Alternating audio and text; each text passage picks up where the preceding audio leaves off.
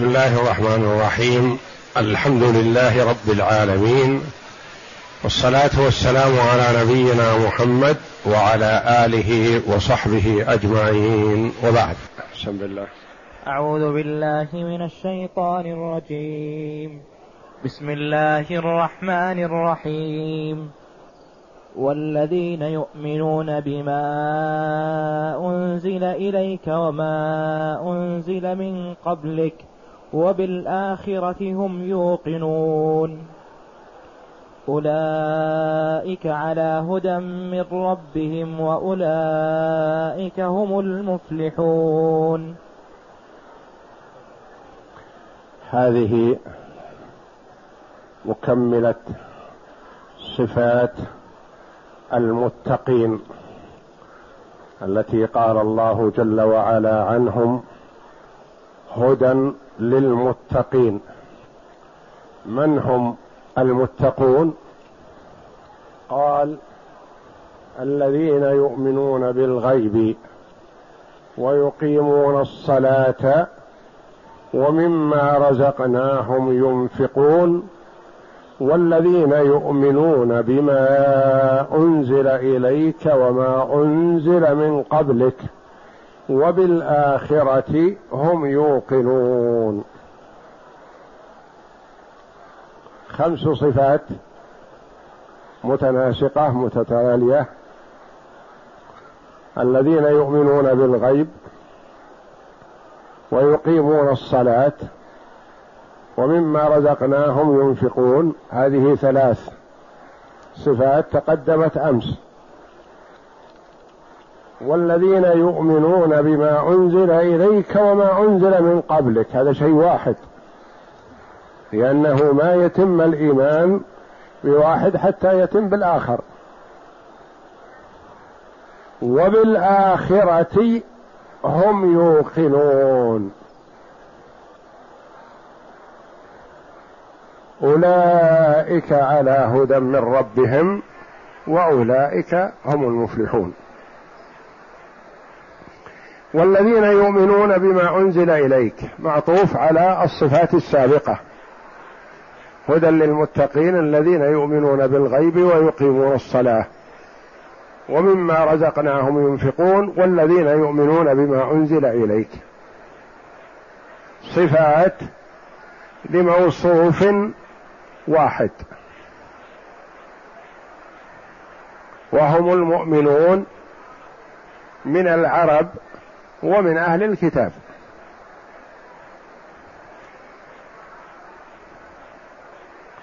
قال بعض المفسرين الآيات الثلاث الصفات الثلاث الأولى في العرب. وهذه في أهل الكتاب. ذكر هذا الإمام ابن جرير رحمه الله تعالى في تفسيره. ونسبه إلى بعض الصحابة رضي الله عنهم. والذين يؤمنون بما أنزل إليك وما أنزل من قبلك. قال مثل عبد الله بن سلام رضي الله عنه. عبد الله بن سلام حبر من أحبار اليهود.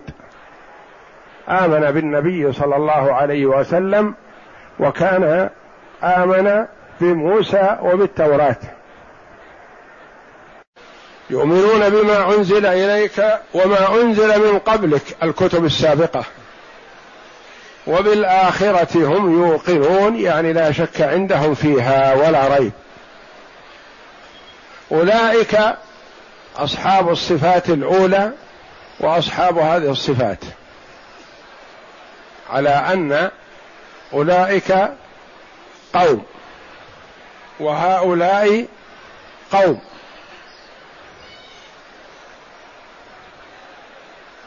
واختار العماد بن كثير رحمه الله أنها صفات أن الخمس صفات لصفات لموصوف واحد. وهم من آمن بالله وبرسوله وبكتبه من العرب ممن كانوا مشركين من قبل وممن كانوا مؤمنين بالكتب السابقة من أهل الكتاب. فهي صفات لموصوف واحد. وصفهم الله جل وعلا بأنهم يؤمنون بالغيب ويقيمون الصلاة ويؤتون الزكاة وينفقون مما أعطاهم الله جل وعلا ويؤمنون بما أنزل إليك وما أنزل من قبلك وهم وبالآخرة هم يوقنون.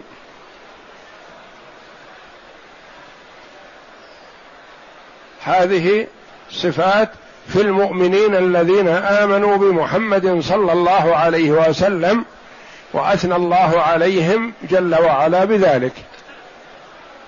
وفي صدر سورة البقرة صفات المؤمنين بثلاث آيات وصفات الكفار بآيتين وصفات المنافقين بثلاث عشرة آية. كما سيأتي إن شاء الله.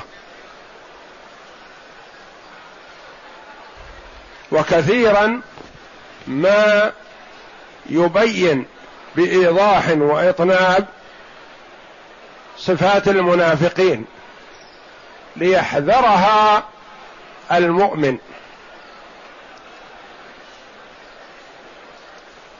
وذلك أن الكافر معلن كفره.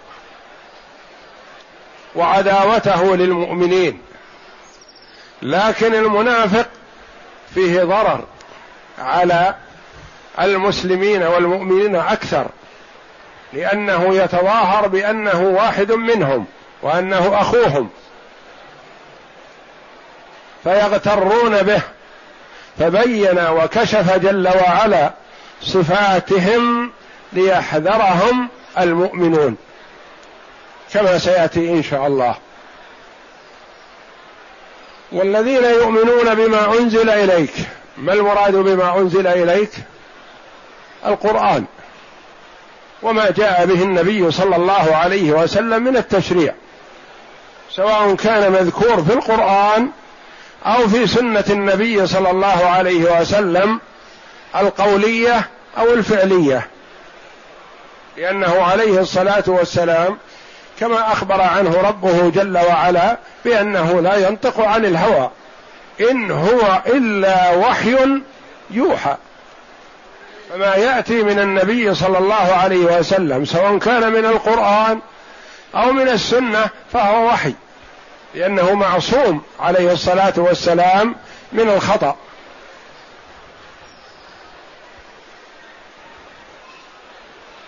ويقول عليه الصلاة والسلام ألا إني أوتيت القرآن ومثله معه. وهو السنة. ولا يليق بالعاقل ولا يتم إيمانه أن يقول أنا أؤمن بما جاء في القرآن. وأما السنة فأتوقف لأنها محتملة للخطأ والصواب محتملة للصحة والخطأ. فلا يتم إيمان المرء بالقرآن حتى يؤمن بالسنة. لأنه إذا امن إذا آمن بالقرآن ولم يؤمن بالسنة ما عرف كيف يعبد ربه. ما عرف. لأن القرآن الكريم أمر بالصلاة. وكيف عرفنا أن صلاة الفجر ركعتان؟ وأن صلاة المغرب أربع. وأن صلاة الظهر صلاة المغرب ثلاث وأن صلاة المغرب ثلاث وأن صلاة الظهر أربع. منين عرفنا هذا؟ من سنة رسول الله صلى الله عليه وسلم. كيف عرفنا الواجب علينا في الصيام؟ من متى إلى متى وكيفية الصيام؟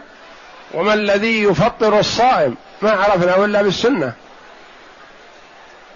وكيف عرفنا أنصبة الزكاة؟ وما يجب فيها في السنة. فالسنة تفسر القرآن وتبينه ولا يتم إسلام المرء وإيمانه بالقرآن حتى يؤمن بالسنة. فقد وجد قوم مرقوا من الدين بقولهم لا نؤمن إلا بما جاء في القرآن لأنه محفوظ عن الخطأ والزلل. وأما السنة فقد كذب على النبي صلى الله عليه وسلم في أحاديث كثيرة فما نقبلها. نقول هذا ضلال وزيغ ولا يتم إيمان المرء حقيقة حتى يؤمن بالسنة كما آمن بالقرآن.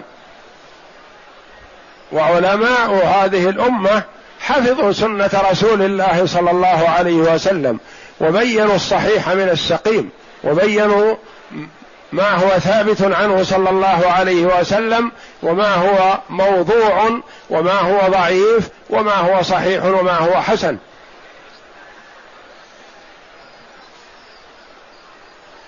والذين يؤمنون بما أنزل إليك القرآن والسنة. ما جاء به النبي صلى الله عليه وسلم من الشرع. والإيمان هنا بما أنزل على محمد صلى الله عليه وسلم على وجه الإجمال. فرض عين. وعلى وجه التفصيل فرض كفاية. معنى هذا أنه لا يلزم كل أحد أن يعرف ما جاء في القرآن. يعني يجب الإيمان به اجمالا. نقول آمنا بالله وبما جاء عن الله. آمنا بكتاب الله. وهكذا. لكن تسأل العامي تقول هذه الآية هذا الكلام جاء عن الله؟ يقول والله ما أدري. أنا مؤمن بما جاء عن الله لكن هذه ما أخصص أقول. العلماء يميزون بين هذا ولهذا قالوا الإيمان والعلم بالتفصيل هذا فرض كفاية. إذا وفرض الكفاية إذا قام به من يكفي سقط الإثم عن الباقين. وإلا إذا جهل الناس كلهم أثموا جميعا. وفرض عين الإيمان اجمالا. يجب على كل مؤمن أن يؤمن بما جاء عن النبي صلى الله عليه وسلم سواء كان جاء في كتاب الله أو في سنة رسول الله صلى الله عليه وسلم. يؤمنون بما أنزل إليك الذي هو القرآن والسنة. والقرآن كلام الله جل وعلا والسنة تكلم بها النبي صلى الله عليه وسلم. وهناك أمر آخر يقال له الأحاديث القدسية. الأحاديث القدسية يرويها النبي صلى الله عليه وسلم عن ربه تبارك وتعالى. وهي تأخذ أحكام القرآن أحيانا بأنها كلام الله لأن النبي صلى الله عليه وسلم أحيانا يأتي بها على أنها من كلام الله جل وعلا. وتأخذ أحكام السنة في أنه لا يصح قراءتها في الصلاة بدل القرآن. وأننا لم نتعبد بتلاوتها. بخلاف القرآن فالله جل وعلا تعبدنا بتلاوته. فالمؤمن بتلاوة القرآن وترديده عبادة وله بكل حرف حسنة والحسنة بعشر أمثالها. يقول صلى الله عليه وسلم لا أقول ألف لام ميم حرف لكن ألف حرف ولام حرف وميم حرف. بخلاف السنة فنحن لم نتعبد بالتلاوة وإنما تعبدنا بفهمها وعلمها ومعرفتها وتمييز صحيحها من سقيمها وهكذا. والقرآن كلام الله جل وعلا تكلم به. وسمعه جبريل عليه السلام من ربه تبارك وتعالى وبلغه لمحمد صلى الله عليه وسلم. ومحمد صلى الله عليه وسلم بلغه للأمة. والله جل وعلا تكفل بحفظه عن الزيادة والنقص. قال جل وعلا إنا نحن نزلنا الذكر وإنا له لحافظون. فهو والحمد لله بأيدينا الآن غضا طريا كما نزل على محمد صلى الله عليه وسلم. حفظه الصحابة رضي الله عنهم عن النبي صلى الله عليه وسلم وأخذوه وأوصلوه وبلغوه لمن بعدهم.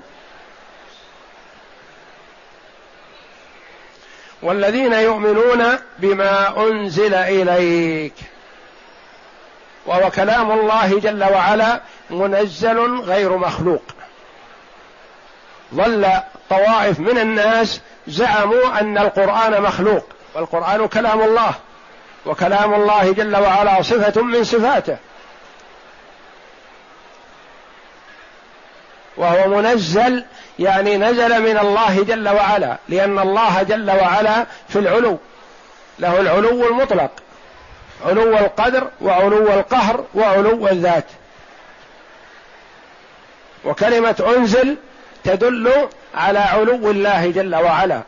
والآيات الثابتة في الكتاب والأحاديث الصحيحة في السنة كلها متوافرة تدل على علو الله جل وعلا. أنزل يعني نزل من أعلى إلى أدنى. ما يقال أنزل بالشيء الذي جاء من نفس الموقع الذي فيه الإنسان. والذين يؤمنون بما أنزل إليك فيجب على المؤمن أن يؤمن بالقرآن كله ولا ينكر منه شيئا. وما أنزل من قبلك.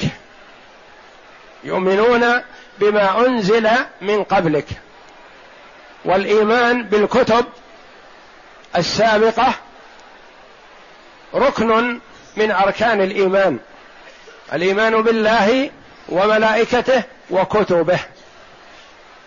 وهي على تفصيل على التفصيل في العدد والبيان التوراة والإنجيل والزبور والقرآن العظيم. ويؤمن المرء بكل كتاب أنزله الله جل وعلا وإن لم يعلم اسمه ولا يعلم على من نزل. يؤمن بأن لله جل وعلا كتب أنزلها على رسله فيها التشريع. يؤمنون بما أنزل إليك وما أنزل من قبلك. وقوله جل وعلا وما أنزل إليك وما أنزل من قبلك يتضمن الإيمان بالرسل. لأنه ما يمكن أن يؤمن بما أنزل على محمد إلا بعد إيمانه برسالة محمد. ويؤمن بالكتب السابقة المنزله المنزلة على الأنبياء بعد إيمانه بالرسالة بالأنبياء عليهم الصلاة والسلام. وما أنزل من قبلك الكتب السابقة وهي على سبيل العد التوراة والإنجيل والزبور. التوراة نزل على موسى. والإنجيل نزل على عيسى. والزبور نزل على داود عليهم الصلاة والسلام. والقرآن نزل على محمد صلى الله عليه وسلم وهو أفضلها. وكلها كلام الله جل وعلا. يجب الإيمان بأنها كلام الله وليست مخلوقة.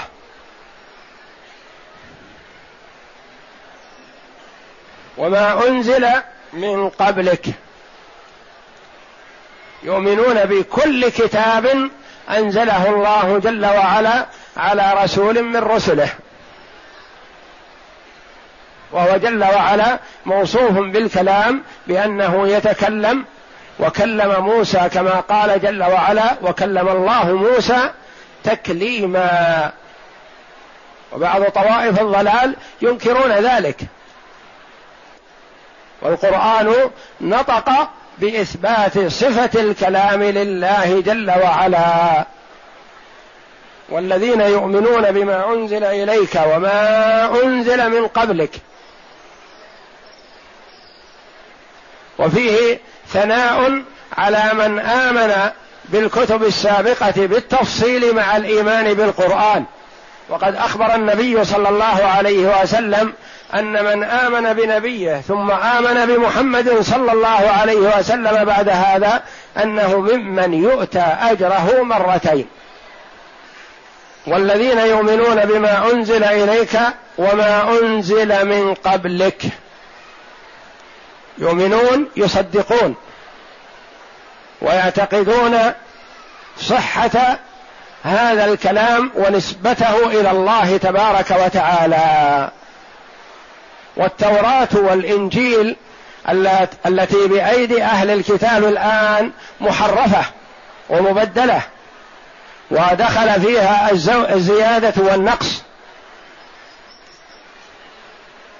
لأن الله جل وعلا لم يضمن حفظها وإنما وكل حفظها إلى أهل الكتاب فضيعوها كما قال تعالى بما استحفظوا من كتاب الله.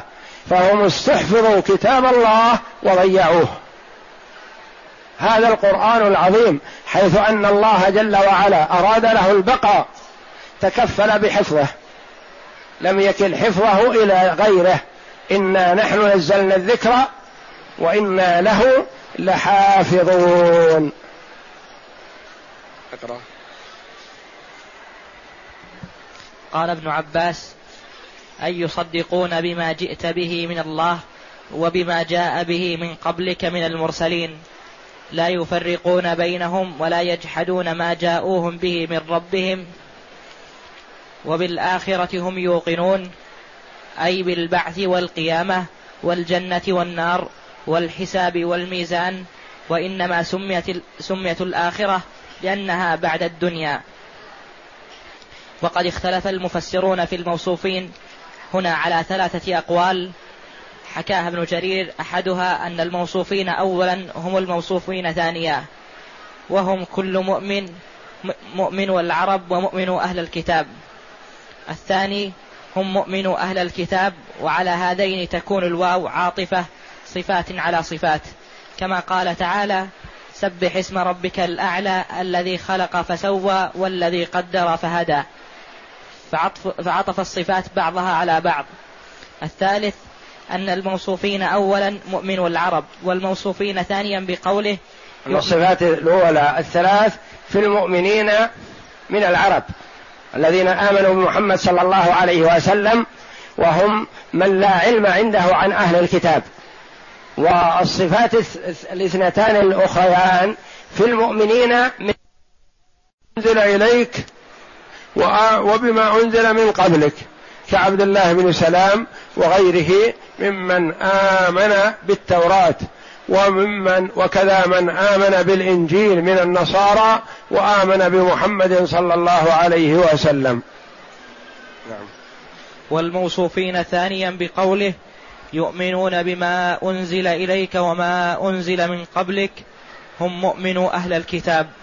واختاره ابن جرير ويستشهد بقوله تعالى وإن, وإن من أهل الكتاب لمن يؤمن بالله وما أنزل إليكم وما أنزل إليهم. يعني آمنوا بما أنزل إليك من القرآن وآمنوا بما أنزل إليهم. والآيات في هذا كثيرة في ذكر أيمانهم. والذين آتيناهم الكتاب من قبله هم به يؤمنون. يؤمنون بالكتب السابقة وآمنوا بمحمد صلى الله عليه وسلم. يا أيها الذين آمنوا آمنوا بالله ورسوله والكتاب الذي نزل على رسوله والكتاب الذي أنزل من قبل. وبالآخرة هم يوقنون. تخصيص لأمور الآخرة بعد دخولها في قوله تعالى الذين يؤمنون بالغيب. تقدم لنا أن قوله تعالى الذين يؤمنون بالغيب يعني ما غاب عن الأعين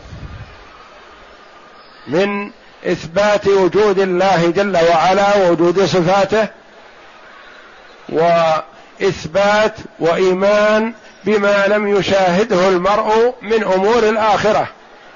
وما لم يشاهده المرء من الملائكة وما أنزل من الكتب السابقة التي لم نطلع عليها وغير ذلك من الإيمان الإيمان بالغيب.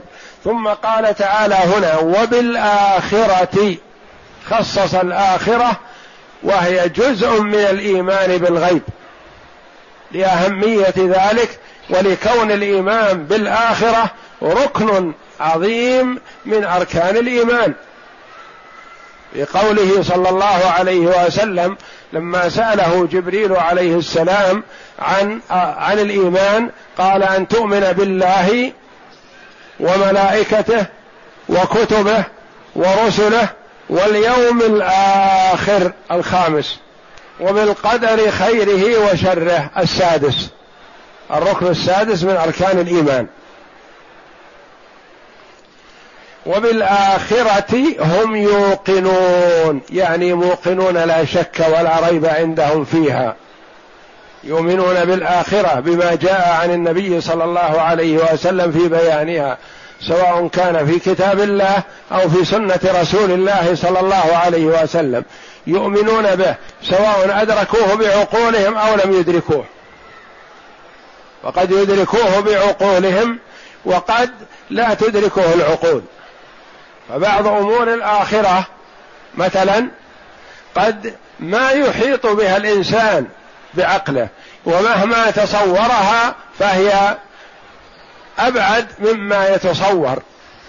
فيجب الإيمان بها والتصديق بما جاء عن رسول الله صلى الله عليه وسلم ولا يقال هذا غير مناسب أو لا يليق أو لا يصدقه العقل وإنما ما ثبت عن النبي صلى الله عليه وسلم سواء أدركه العقل أو لم يدركه فإنه يجب الإيمان به. وبالآخرة هم يوقنون. والمراد بالآخرة الحياة الآخرة وسميت آخرة لأنها تأتي بعد بعد الدنيا.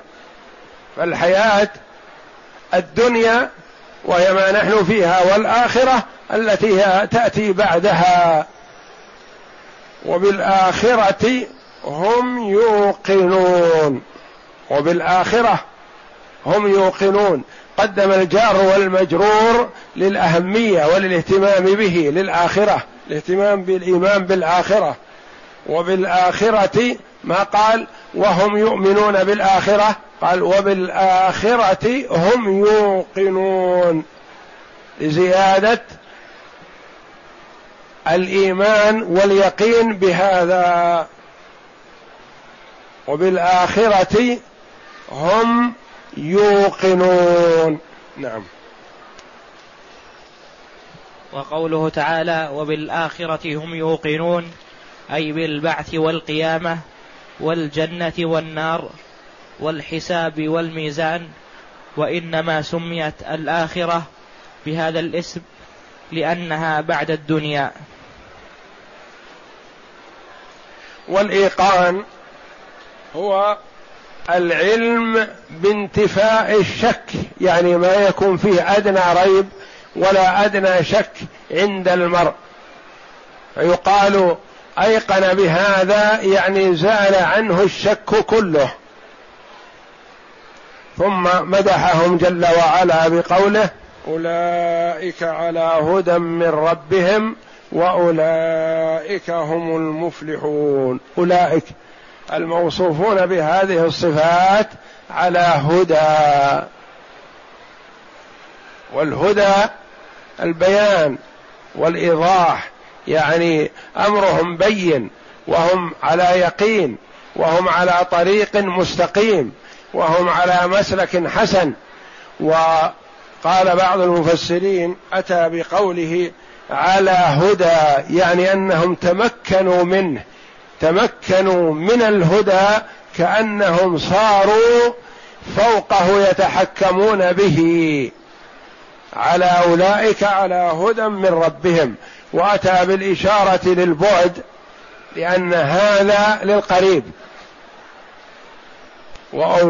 وأولاء و وهؤلاء للقريب للمفرد للجمع. أولئك للبعيد. لما وصفهم بالبعد؟ قالوا لعلو منزلتهم. أولئك يعني الموصوفون بهذه الصفات. هم الأخيار وهم المستحقون للرتبة العالية. أولئك على هدى من ربهم. هدى جاءهم من الله جل وعلا. يعني هم يعبدون الله جل وعلا على بصيرة وعلى يقين وسائرون إلى الدار الآخرة بلا ريب ولا شك. يعني على يقين من سيرهم. ولا يتخبطون بالجهالة والضلالة. فالنصارى يعبدون الله على جهل وضلال. واليهود عندهم علم لم يعملوا به. وهؤلاء المؤمنون من هذه الأمة يعبدون الله جل وعلا على بصيرة وعلم ويقين. أولئك على هدى من ربهم وأولئك هم المفلحون هم الفائزون هم السعداء. الفائزون في الدنيا والآخرة. وكرر اسم الإشارة بالبعد كذلك للدلالة على علو شأنهم. وأولئك هم المفلحون. أولئك على هدى من ربهم. أولئك على هدى مبتدأ وخبر. أولئك على هدى مبتدأ وخبر. وأولئك هم المفلحون وأولئك مبتدأ والمفلحون خبره وهم ضمير فصل للتأكيد. ويجوز أن يقال في الإعراب وأولئك مبتدأ وهم مبتدأ ثاني والمفلحون خبر المبتدأ الثاني وجملة المبتدأ الثاني وخبره هي خبر للمبتدأ الأول الذي هو أولئك. والفلاح التمكن من الشيء والفوز فيه والسعادة كما ينادي المنادي في الصلاة حي على الفلاح تعال إلى ما فيه سعادتك التي تعال إلى الصلاة. نعم. اقرا وقوله تعالى أولئك أي المتصفون بما تقدم من الإيمان بالغيب وإقام الصلاة والإنفاق من الذي رزقهم الله والإيمان بما أنزل إلى الرسول والإيقان بالآخرة على هدى أي على نور وبيان وبصيرة من الله تعالى. كما قال الله جل وعلا قل هذه سبيلي أدعو إلى الله على بصيرة أنا ومن اتبعن يعني على بينة وعلى هدى لست شاك في أمري. نعم. وأولئك هم المفلحون أي في الدنيا والآخرة. وقال ابن عباس على هدى من ربهم أي على نور من ربهم واستقامة على ما جاءهم به. وأولئك هم المفلحون أي الذين أدركوا ما طلبوا ونجوا من شر ما هربوا.